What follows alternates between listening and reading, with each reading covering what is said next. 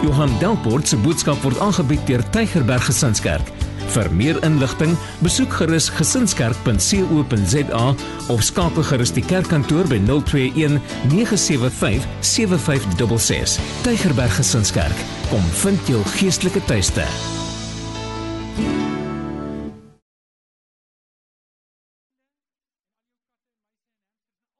vir die diens. Ek is baie opgewonde. Ek weet nie of jy baie opgewonde is nie. Kom ek sê vir julle hoekom ek opgewonde. Ek is nie opgewonde oor Rickert wat kom nie. Ek is opgewonde omdat dit 'n groot stap is vir ons gemeente in die rigting van disippelskap. Amen. En dis tog wat ons roeping is. Dis ons mandaat om disippels te maak. So, dis 'n amptelike afkondiging om te sê volgende week is Rickert hier, so. En dan Tannie Hermine. Waar is Tannie Hermine? Sy verjaar vandag. Geef haar lekker hande klap. Baie geluk met Tannie se verjaarsdag. Exodus 2 en ons gaan saam lees vanaf vers 23. Ek weet nie of julle weet hoekom is vandag spesiaal nie. Wie dit gesê? Ah. Dis vandag ons gemeente se 9de verjaarsdag. Julle het geweet. Ja, prys die Here, 9 jaar. 9 jaar. Ek wil net gou kyk, wie was daai eerste diens hierso? Staan net gou-gou op. Staan net gou-gou op. Ek wil net kyk wie was almal daai eerste diens hierso. Wie is die kan nie doders? Staan gou-gou op. Ah, hier's 'n paar mense daar agter ook. Wow, wow. Geef hulle lekker hande klap toe. Hulle moes uithou met my. Shame. Hoorie, dankie. Dankie dat julle uitgehou. Dankie dat julle hierdie pad gestap het. Julle is 'n wonderlike pad gewees wat ons gestap het tot hier. Julle moet weet ons het daar bo begin in die aktiwiteitssentrum en uh, toe was ek Wat was ek? Ek was toe nog 27 jaar oud.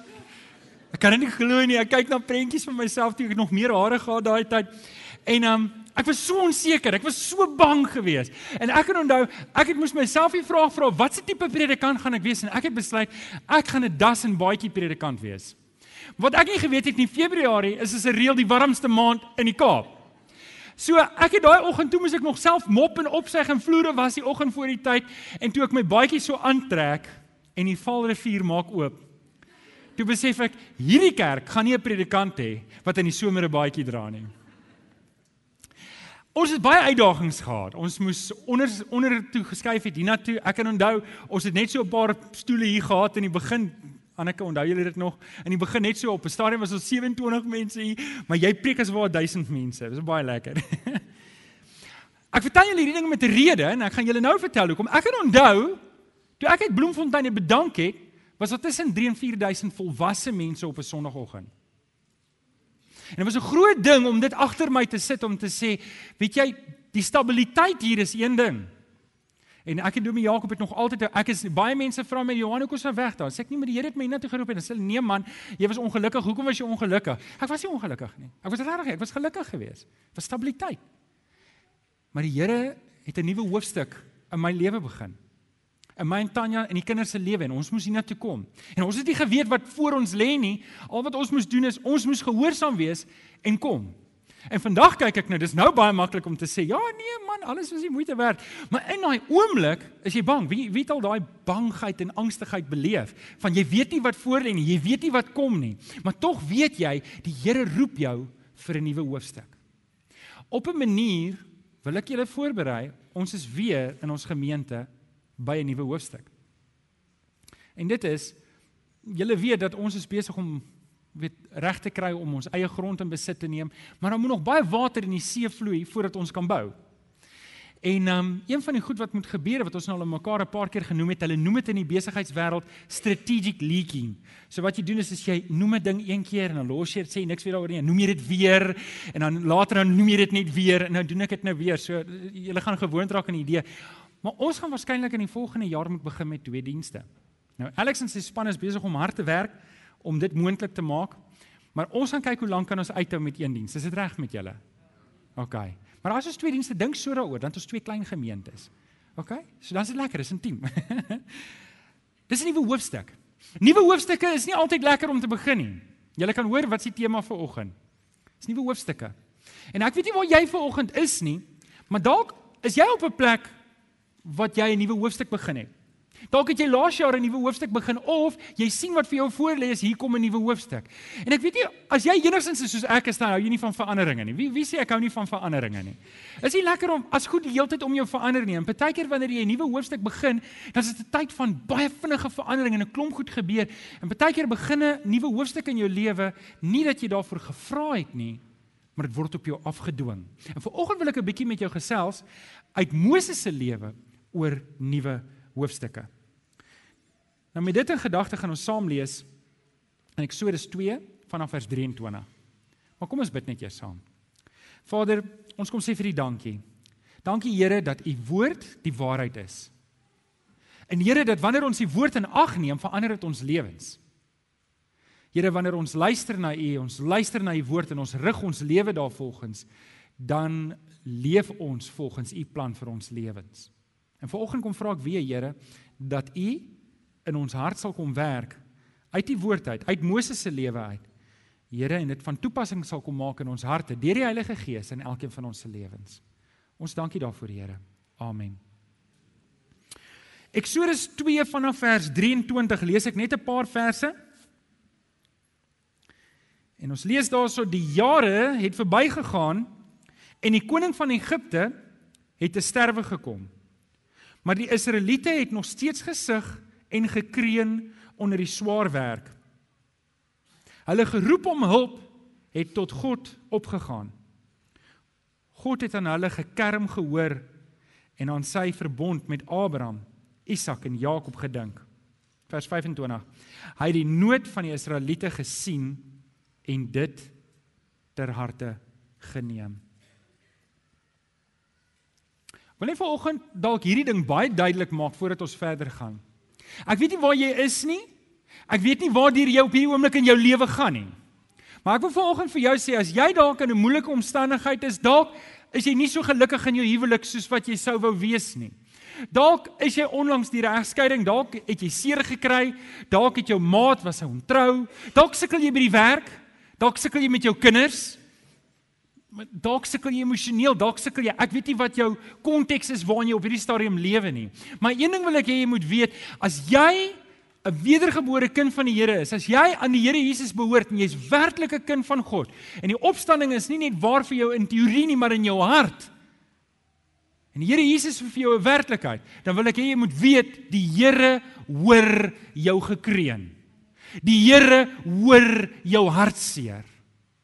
En die Here het 'n intensie om iets van jou lewe te maak. En jy moet nooit hopeloos rondkyk en sê, "Ag, nou is dit die einde nie." Dit is nie die einde nie. Dit is nie die einde nie. Die Here het 'n plan met jou lewe. Sê vir jou langs aan die Here het 'n plan met jou lewe. Die Here het 'n plan met jou lewe. Hoorie, dit maak nie saak hoe skeef goed vir jou kan loop nie. God kan dit regmaak. Dit maak nie saak hoe stuk en goed nou vir jou lyk nie, maar ek wil vir jou sê dit vat net een woord van die Here om alles reg te maak.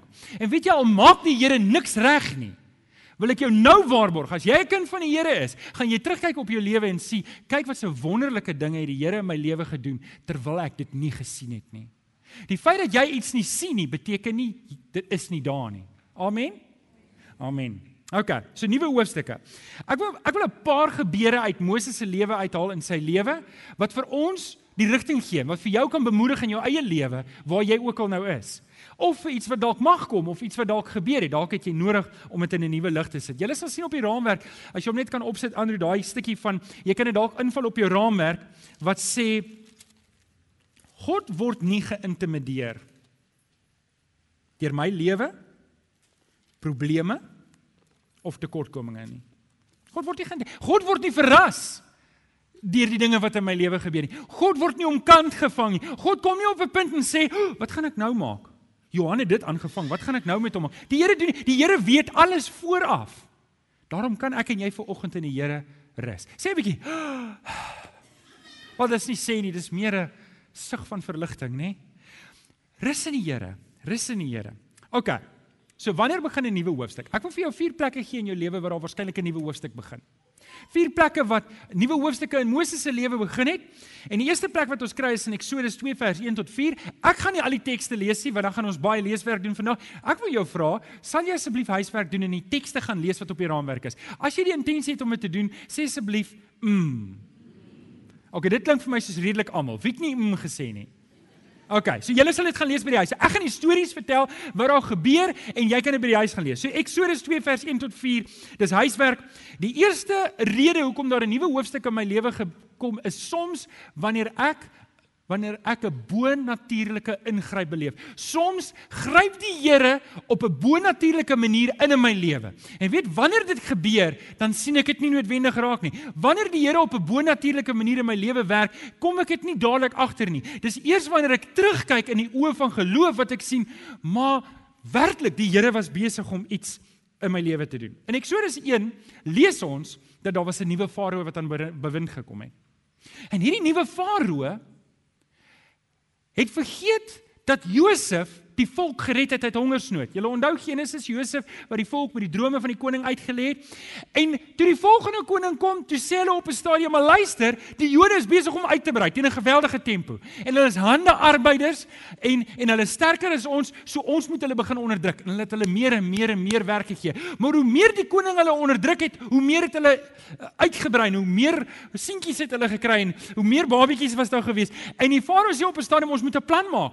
Ons moet hulle doodmaak." Nou die die lang storie kort te maak, hulle het op die uiteinde gesê al die seentjies wat gebore word moet gevang word en moet in die Nyl gegooi word en verdrink word. Julle ken die storie.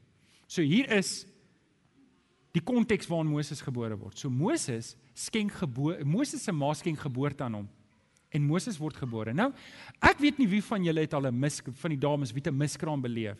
Moes 'n seun in die dood afstaan nie. Ek wil hê julle moet weet, hierdie is nie net 'n kinderverhaal nie. Hierdie is groot seer. Hierdie is groot hartseer. Jy moet dink wat gaan in hierdie ma se hart aan terwyl sy die mandjie vat en sy smeer dit pik om te sê ek wil nie hê my seun moet daai pad stap nie. Ek wil nie hê my seun moet doodgaan nie. En ek kan dink dit was nie soos wat ons in die kinderba in die kinderbybel sien, hier's 'n ma en sy het hierdie mooi gemake-upte gesig, nê? Nee?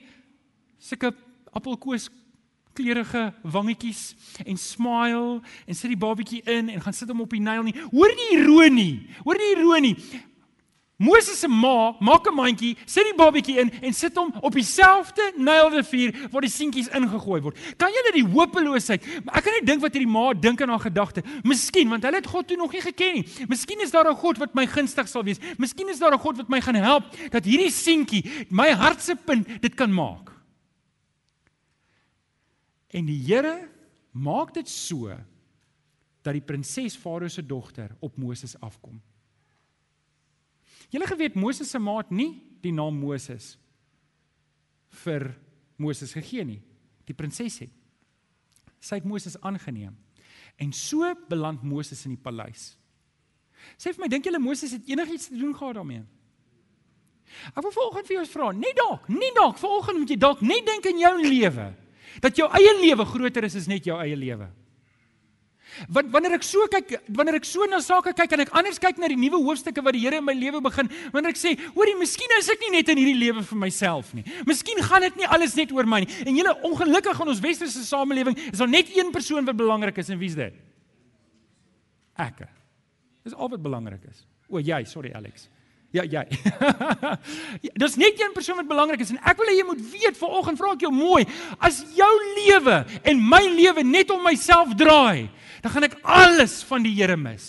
Ek gaan al die planne wat die Here vir my het, gaan ek mis. Ek gaan ek gaan leef van een plek na 'n ander plek en ek gaan altyd voel ek is onvervuld en onvergenoegd. En daarom moet ek na die Here toe kom en sê, Here, soos wat Moses bittermin sê gehad het aan waar hy opgeëindig het, so het ek bittermin sê oor waar ek eintlik gekom het tot vandag. Maar as u my wil gebruik waar ek is, die eerste hoofstuk. U het my geplaas waar ek ek sien u hand in my lewe. sien jy die Here se hand in jou lewe? OK, dit bring ons by die tweede die tweede hoofstuk van Moses. En dit is soms maak ek groot lewensfoute. Soms maak ek foute. Ons lees in Eksodus 2 vers 11 tot 15 dat Moses het in die paleis groot geword en terwyl hy daar loop, kom hy agter maar hoorie, ek is nie regtig heeltemal dieselfde as hierdie Egiptenaars nie. Ek lyk 'n bietjie anders, my hare lyk 'n bietjie anders, my velkleur is 'n bietjie anders. Ek is ek is nie 'n Egiptenaar nie. En dit het baie vinnig vir hom duidelik geword dat hy nie 'n Egiptenaar is nie en hy het baie tyd spandeer buitekant ook om toesig te hou. En dan het hy gesien, maar hoorie, hierdie mense, hierdie slawe, dis eintlik my mense. Wat mooi is van van Moses is hy was nooit hoogmoedig nie. Dis asof sy hart gebreek het vir sy volksgenote. Hy het daar geloop en elke keer wanneer 'n Egiptiese soldaat aan 'n Jood aan 'n Israeliet geslaan het, het hy sy hart gebreek breek. En op 'n stadium kon hy dit net nie meer vat nie. En hy en hy, en hy breek en hy en hy gryp 'n Egiptenaar en hy slaat hom mos dood net daar. En toe hom doodgeslaan het, toe besef hy nou het ek 'n fout gemaak. En hy maak 'n vlak graf en hy rol die Egiptiese soldate in, hy krap hom toe en en hy slaan op vlug.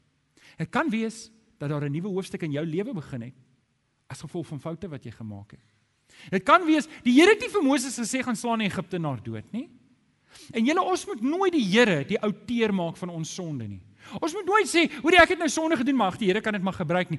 Ons mag nooit ligtelik omgaan met sonde nie. Sonde doen skade. Sonde breek verhoudings. Sonde breek nie net my verhouding met die Here nie, maar dit breek my verhouding met my vrou. Dit breek my verhouding met my man. Dit breek my verhouding met my kinders. Maar vir Moses was dit 'n nuwe hoofstuk. En dit het hom gelei na die volgende plek. Dit kan wees dat jy vanoggend hier sit en dat 'n nuwe hoofstuk in jou lewe begin as gevolg van foute wat jy weet jy het gemaak, as gevolg van dalk sonde wat in jou lewe was. Maar ek wil vir kan ek jou vanoggend kom bemoedig. Luister ouens. Ek weet nie waar sou ek wees as dit nie vir die kruis van die Here Jesus was nie. Ek weet nie hoe ek hoop sou kry in hierdie lewe as ek nie kon vashou aan die opstanding wat Christus gedoen het vir ons om die sonde en die dood te oorwin nie. Ek weet, ek weet die krag van die bloed van die Here Jesus maak my skoon en maak my vry. En julle ek kan vandag nog sien die merke in my lewe wat sonde kom doen het. En ek weet nie of jy dit ook beleef het nie, maar daar's sekere dinge wat ek terugkyk en ek sê ek is so spyt ek het hierdie goeters gedoen. Maar tog is die Here se genade so wonderlik dat hy kom draai die goed om En selfs dit wat 'n fout was, maak hy 'n nuwe hoofstuk in my lewe. En ek wil volgens vir jou kom aanmoedig as daar dalk foute is in jou lewe wat jy nog nie bely het en nog nie voor die Here gebring het nie. En dit het so groot impak op jou lewe gemaak dat dit 'n nuwe hoofstuk begin het. Bring daai hoofstuk na die Here toe en sê Here, ek het 'n fout gemaak, maar ek weet U kan dit regmaak. Glo dat die Here dit reg kan maak. Sê amen toe. Nommer 3, die derde ene. Soms het ek 'n persoonlike ontmoeting met die Here. Soms het ek 'n persoonlike ontmoeting en Eksodus 3 vers 1 tot 4 vers 17 crowns Moses wat die wat in die pas sy skape op en dan skielik hierdie brandende bos. En hy kyk hy sien hierdie brandende doringbos en hy gaan nader. En terwyl hy so nader gaan kom hy agter maar die bos brand nie uit nie. En toe hy by die bos kom toe kom daar 'n stem in die bos en dit was God se stem wat vir hom sê Moses trek uit jou skoene want die grond waarop jy staan is heilig. En hy trek sy skoene en hy het 'n ontmoeting met God. Ontmoeting met God. En eintlik is dit die belangrikste nuwe hoofstuk wat in ons lewe kan wees. Julle ons het almal in Christelike huise groot geword. Waar jou pa dalk vir jou ook 20 sent gegee het om sonnaskool toe te gaan en in die mandjie te gooi en dan stap jy so verby die kerk as jy sien jou pa kyk jy gaan jy koffie toe koop jy wat was dit 10 Wilson toffies. O, dit was Nickerbols en julle daar. My my dae was dit toffies.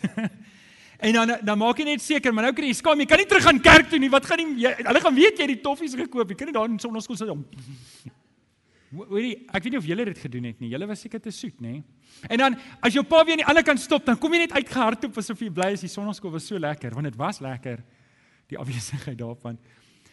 En weet julle, daar's 'n probleem. Daar's 'n probleem. Dit kan wees dat jy ver oggend hier sit. En jy ken nie die Here nie. Jy ken die Here se dinge, maar jy het nog nooit 'n ontmoeting met hom gehad nie. Jy ken die Here se dinge, jy kan psalms en spreuke opsê. Jy kan jy jy, jy ken die kerk goed baie goed, maar eintlik weet jy jy ken nie die Here nie. Dit kan wees dat jy selfs in 'n Christelike huis groot geword het waar jou ma en pa regtig die Here gedien het, maar weet julle wat? Daar's een ding van die Here, hy het nie kleinkinders nie. En ek kan nie 'n kind van die Here wees bloot omdat my ma of pa kind van die Here is nie. Ek kan nie 'n kind van die Here wees bloot omdat ek in 'n Christelike huis groot geword het nie. Ek moes 'n ontmoeting met die Here gehad het. Ek moes 'n plek kom waar ek hom ontmoet het en ek wil vir jou vanoggend vra dis die beste hoofstuk wat in jou lewe kan begin. Wanneer jy besef hoe klein jy is, wanneer ek besef hoe klein ek regtig is en die Here kom doen 'n werk in my.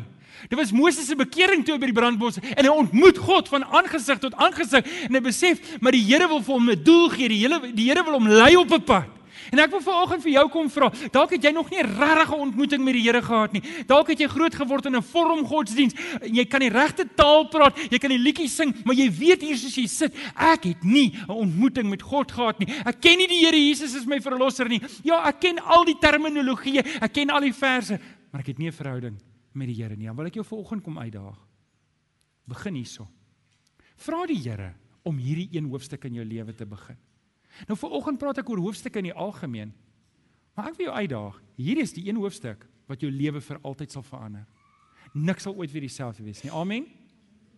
Wie kan getuig van 'n hoofstuk wat die Here in jou lewe begin het 'n ontmoeting? Wat jy ontmoeting met die Here gehad het, nie wie die Here toe hy daai ontmoeting met jou gehad het, het alles verander. Laaste laaste ene waar ek met julle wil praat wanneer 'n nuwe hoofstuk begin. Soms begin 'n nuwe hoofstuk wanneer die Here my roep vir 'n spesifieke taak.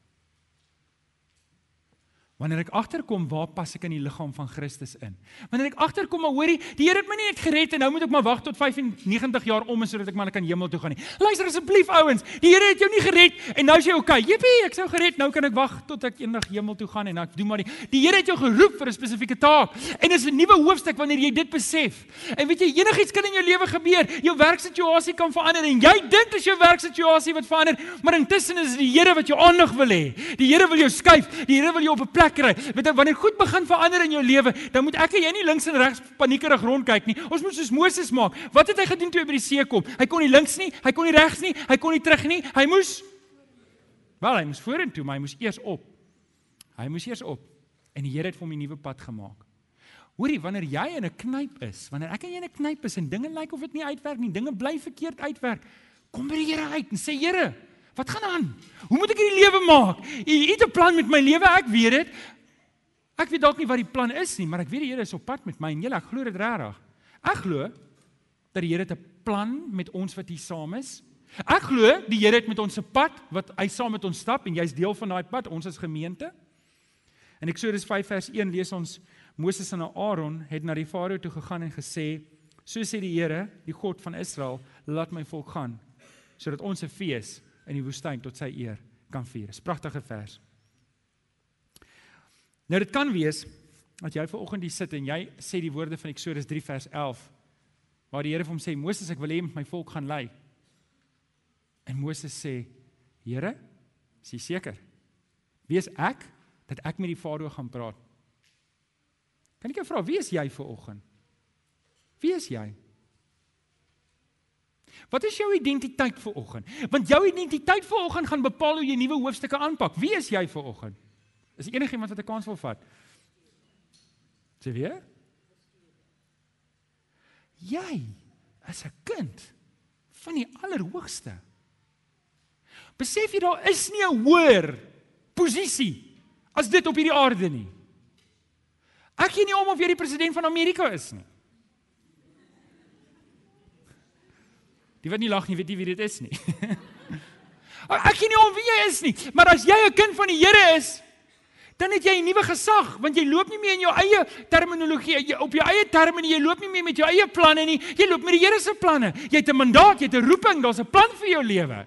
Julle daarom kan ons regop loop. Sê 'n bietjie amen toe. Julle, ons loop nie, vergewe die Engelse woord, soos losers nie. Ons loop nie soos mense wat nie weet waar ons op pad is nie. Ek weet dalk nie presies hoe ek daar gaan uitkom nie, maar ek weet die Here is op pad met my. Sê 'n bietjie amen. OK? En da daarom as gemeente, ons stap daai pad. Ons is nie ons is nie heeltyd bang nie. Handelinge 9 vers 5 kry ons vir Paulus.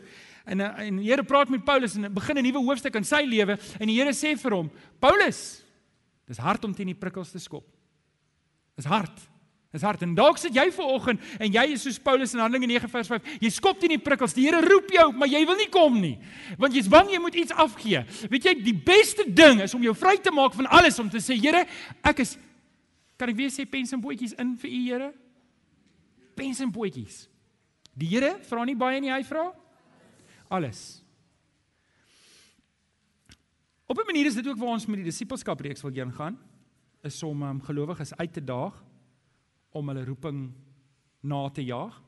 Julle, ek weet nou nie hoeveel ons ver oggend hier nie. Kom ons sê 350. Kom ons sê is ver oggend 350 volwassenes. Wat dink julle gaan gebeur as 300 van die 300 kom ons sê 350 van die 350, dan is ons 100%. Kom ons gaan nie halfpad nie, ons gaan voluit, né? Wat dink julle gaan gebeur as die 350 volwassenes wat ver oggend hier is sê, Here, ek gaan my roeping najag. Daar's niks vir my belangriker as waarvoor U my roep nie. Wat dink julle gaan gebeur? Ek dink persoonlik wanneer wanneer gelowiges soos ons saamkom en ons sê, luister, die Here gaan vir my sorg. Wat kos, klere, huis en al die ander goederes betref, hy het gesê hy gaan sorg. Dit is nie meer my eerste bekommernis nie. My eerste bekommernis is om gehoorsaam te wees aan God, my roeping in Christus na te jaag. Weet jy wat gebeur? Weet jy wat gebeur? Ek neem anderste besluite. Daar gebeur nog 'n ding. Nie net neem ek anderste besluite nie, maar ek lewe met 'n nuwe houding. Ek gaan uit hier's 'n tannie vanoggend hierso en ek het nie haar toestemming gevra om die storie te vertel nie. Maar sy sê vir my voor die kruisieveld tog laas jaar Kom maar vroutjie 'n meisie, seker laerskool dink ek, by by Spar ingehardloop en gee vir haar kruisie en sê: "Tannie, tannie, jy moet na ons kerk toe kom." Die tannie was nog nooit in ons kerk nie. En die tannie sê vir my sy weet nie wie die dogtertjie was nie. Maar dit moes in ons kerk gewees het. Maar sy het toe haar dogter het toe geland van oorsee en sy kon daai Sondag nie kom nie. En 'n ander tannie gaan stap in die week en nooi die tannie na ons kerk toe. En sy is ver oggend vir die eerste keer hier. Gee lekker aan 'n klap toe. Hoor jy ouens, dis die tipe goed wat gebeur wanneer ek besef ek het 'n roeping in die Here. Ek het 'n roeping in die Here. Dit gaan nie meer net oor rande en sente en besigheid. Dit gaan nou oor daar's siele, daar's mense betrokke en jy kan 'n verskil maak. Ek wens ek het geweet wie daai dogtertjie is. Ek wens ek het geweet ek sou hy voorwou kom saai en gesê ek is bly jy is deel in die koninkryk van die Here. Jy sit nie net passief en wonder en sê dis iemand anders se werk nie. Te veel Christene sê wat Moses sê, Here, ek kan daarom nie na Farao toe gaan nie. Is jy ook bang om na Farao toe te gaan? Ek wil jou uitdaag om jou roeping na te jaag in die Here. Dis die beste hoofstuk wat ooit in jou lewe gaan begin. OK. Ek wil vir jou raad gee vir nuwe hoofstukke. Ek wil vir jou raad gee vir nuwe hoofstukke en dis algemene nuwe hoofstukke, werksituasie, huwelikssituasie, allerlei goeters. Eerste ding, in Jeremia 17 vers 9 staan dat die hart is bedriegliker as enigiets anders. Hy's ongeneeslik. Wie kan hom verstaan? Nommer 1, pasop vir die hart. Pasop vir die vlees. Pasop vir die emosie. Moenie emosionele besluite neem nie. Wanneer ek aanhoudend emosionele besluite neem en ek neem volgens die, my vlees besluite, dan nou nou nou nou gaan ek 'n nuwe hoofstuk begin sonder my vrou. OK? Ek gaan nou nou nou nou 'n nuwe hoofstuk begin sonder my werk. En ek gaan nou nou ook as jy elke keer vir jou baas wou sê wat jy wou sê, dink jy sy nog werk gehad het? Ja, daar's niemand so wys soos 'n man wat 10 jaar getroud is. Hy weet wanneer om iets te sê en wanneer om dit nie te sê nie. Vra vir oom Pieter, hy ken nie pad. Oom Pieter. Ek het altyd respek vir 'n koppel wat lank getroud is. Moenie emosionele besluite neem nie. Ons neem besluite in die woord. Nie op die vlees nie. Ons neem besluite ek rig my lewe volgens die woord van die Here. Amen. En nie volgens die dele waarvan ek hou nie, ander dele sê ek ah, ek hou nie eintlik daarvan nie, so ek gaan dit maar eers een kant los nie. Hoorie, die die Bybel is vir my en jou gegee om die lewe die beste te maak. Die beste kans wat ek en jy het is om te rig volgens die woord van die Here. Ek glo dit met my hele hart. So nommer 1, moenie volgens die vlees besluite neem nie, maar volgens die gees, volgens die woord. Nommer 2. Nommer 2. Bly waar jy is solank jy kan. Hier is praktiese raad wat ek vir oggend vir jou gee uit die woord uit 1 Korintiërs 7 vers 17. Praat Paulus met die gemeente, klomp van hulle het onlangs tot bekering gekom en hulle is in situasies. Maar kom ek lees eers die vers. Hulle sê Paulus skryf hulle sê verder moet elkeen in die omstandighede bly wat die Here vir hom gegee het. Hy moet bly wat hy is toe God hom geroep het. So skryf ek dit ook aan al die gemeentes voor. So wat gebeur is, hier's mense wat tot bekering gekom het en hulle slawe.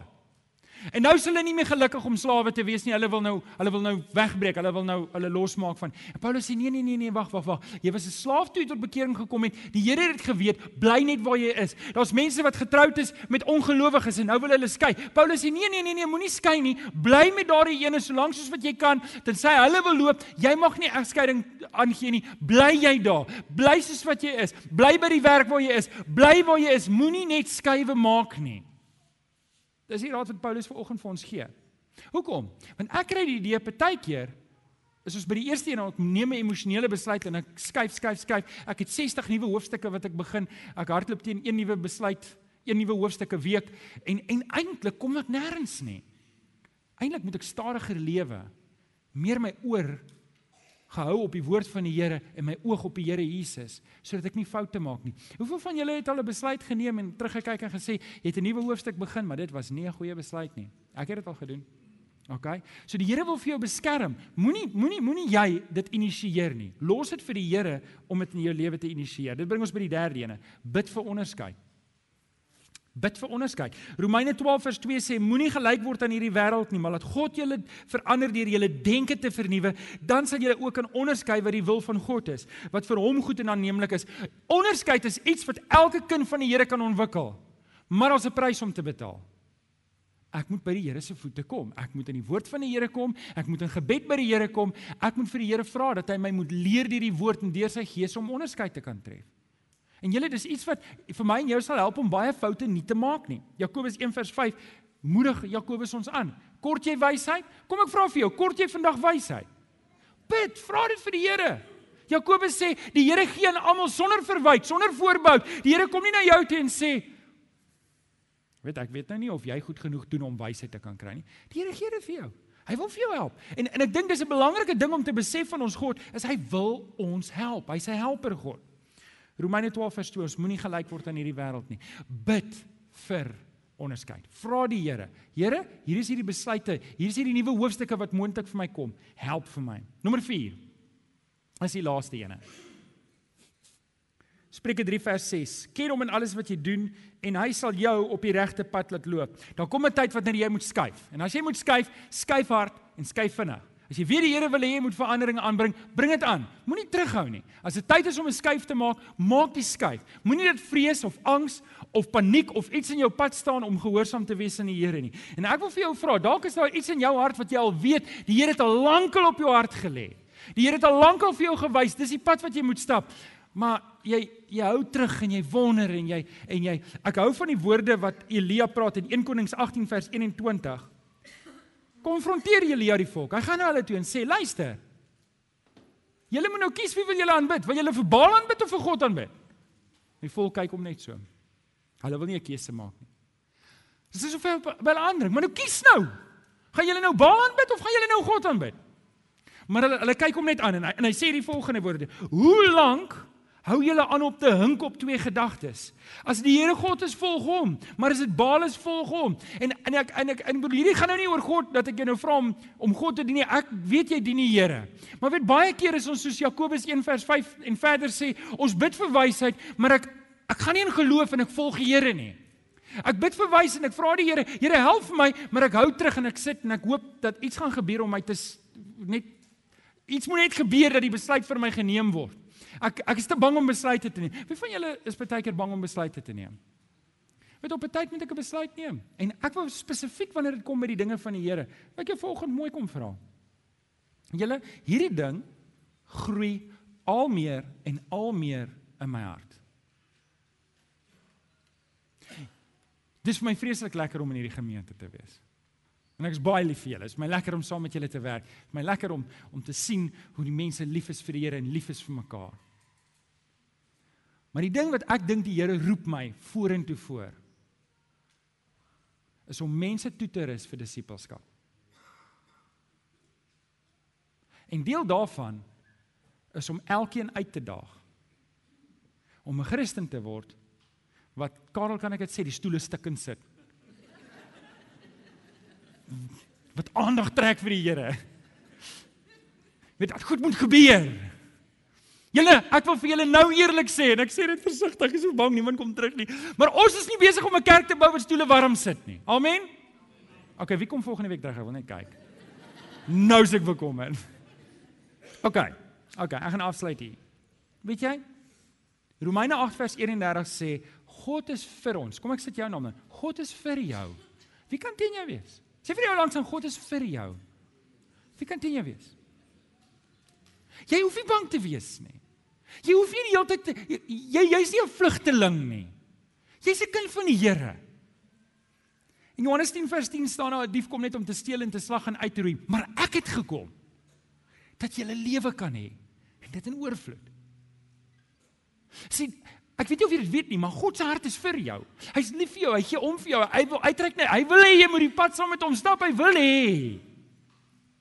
Maar daar's dalk een hoofstuk wat ons net weer moet teruggaan na. En dis 'n persoonlike ontmoeting met die Here.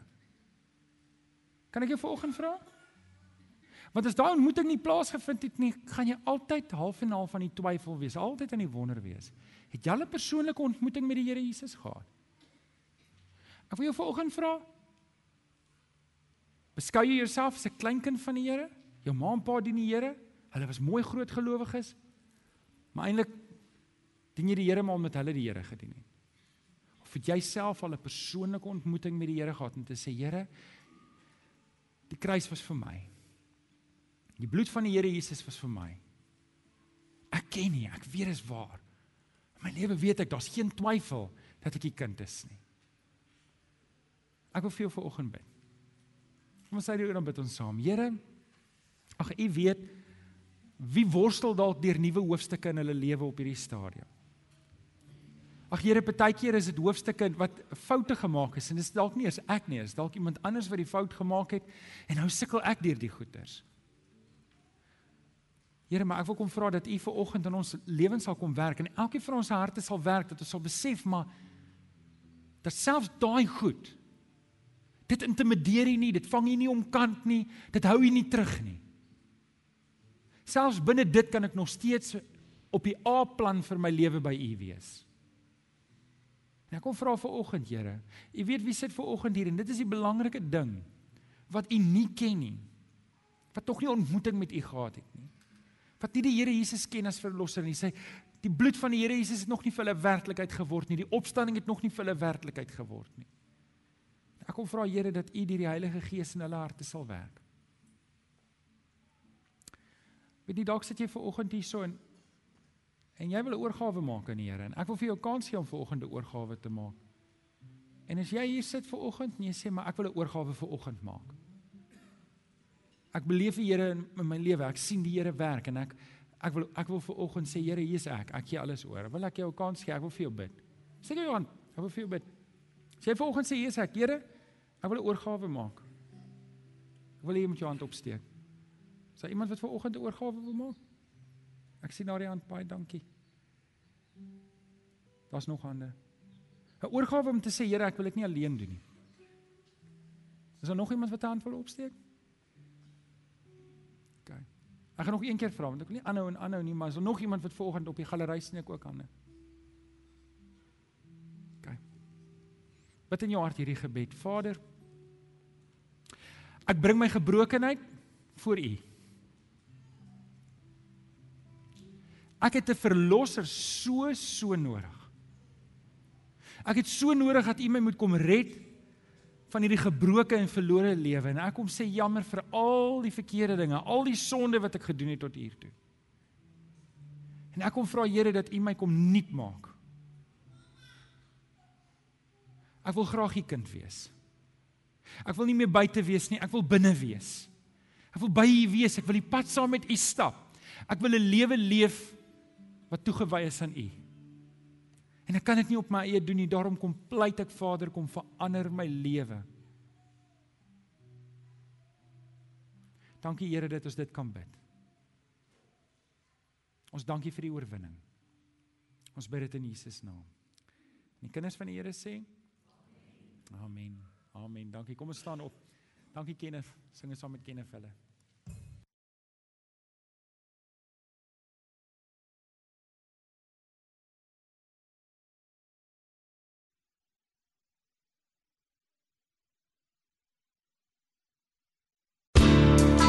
Baie dankie dat jy na hierdie boodskap geluister het. Ons glo dat elke gelowige binne die konteks van 'n gemeente behoort te groei. Indien jy nog nie by 'n gemeente ingeskakel is nie, kom besoek ons gerus hierdie Sondag by Laerskool Jean Louw se skoolsaal, Tulipstraat, Amanda Glen, Durbanville. Tygerberg Gesinskerk.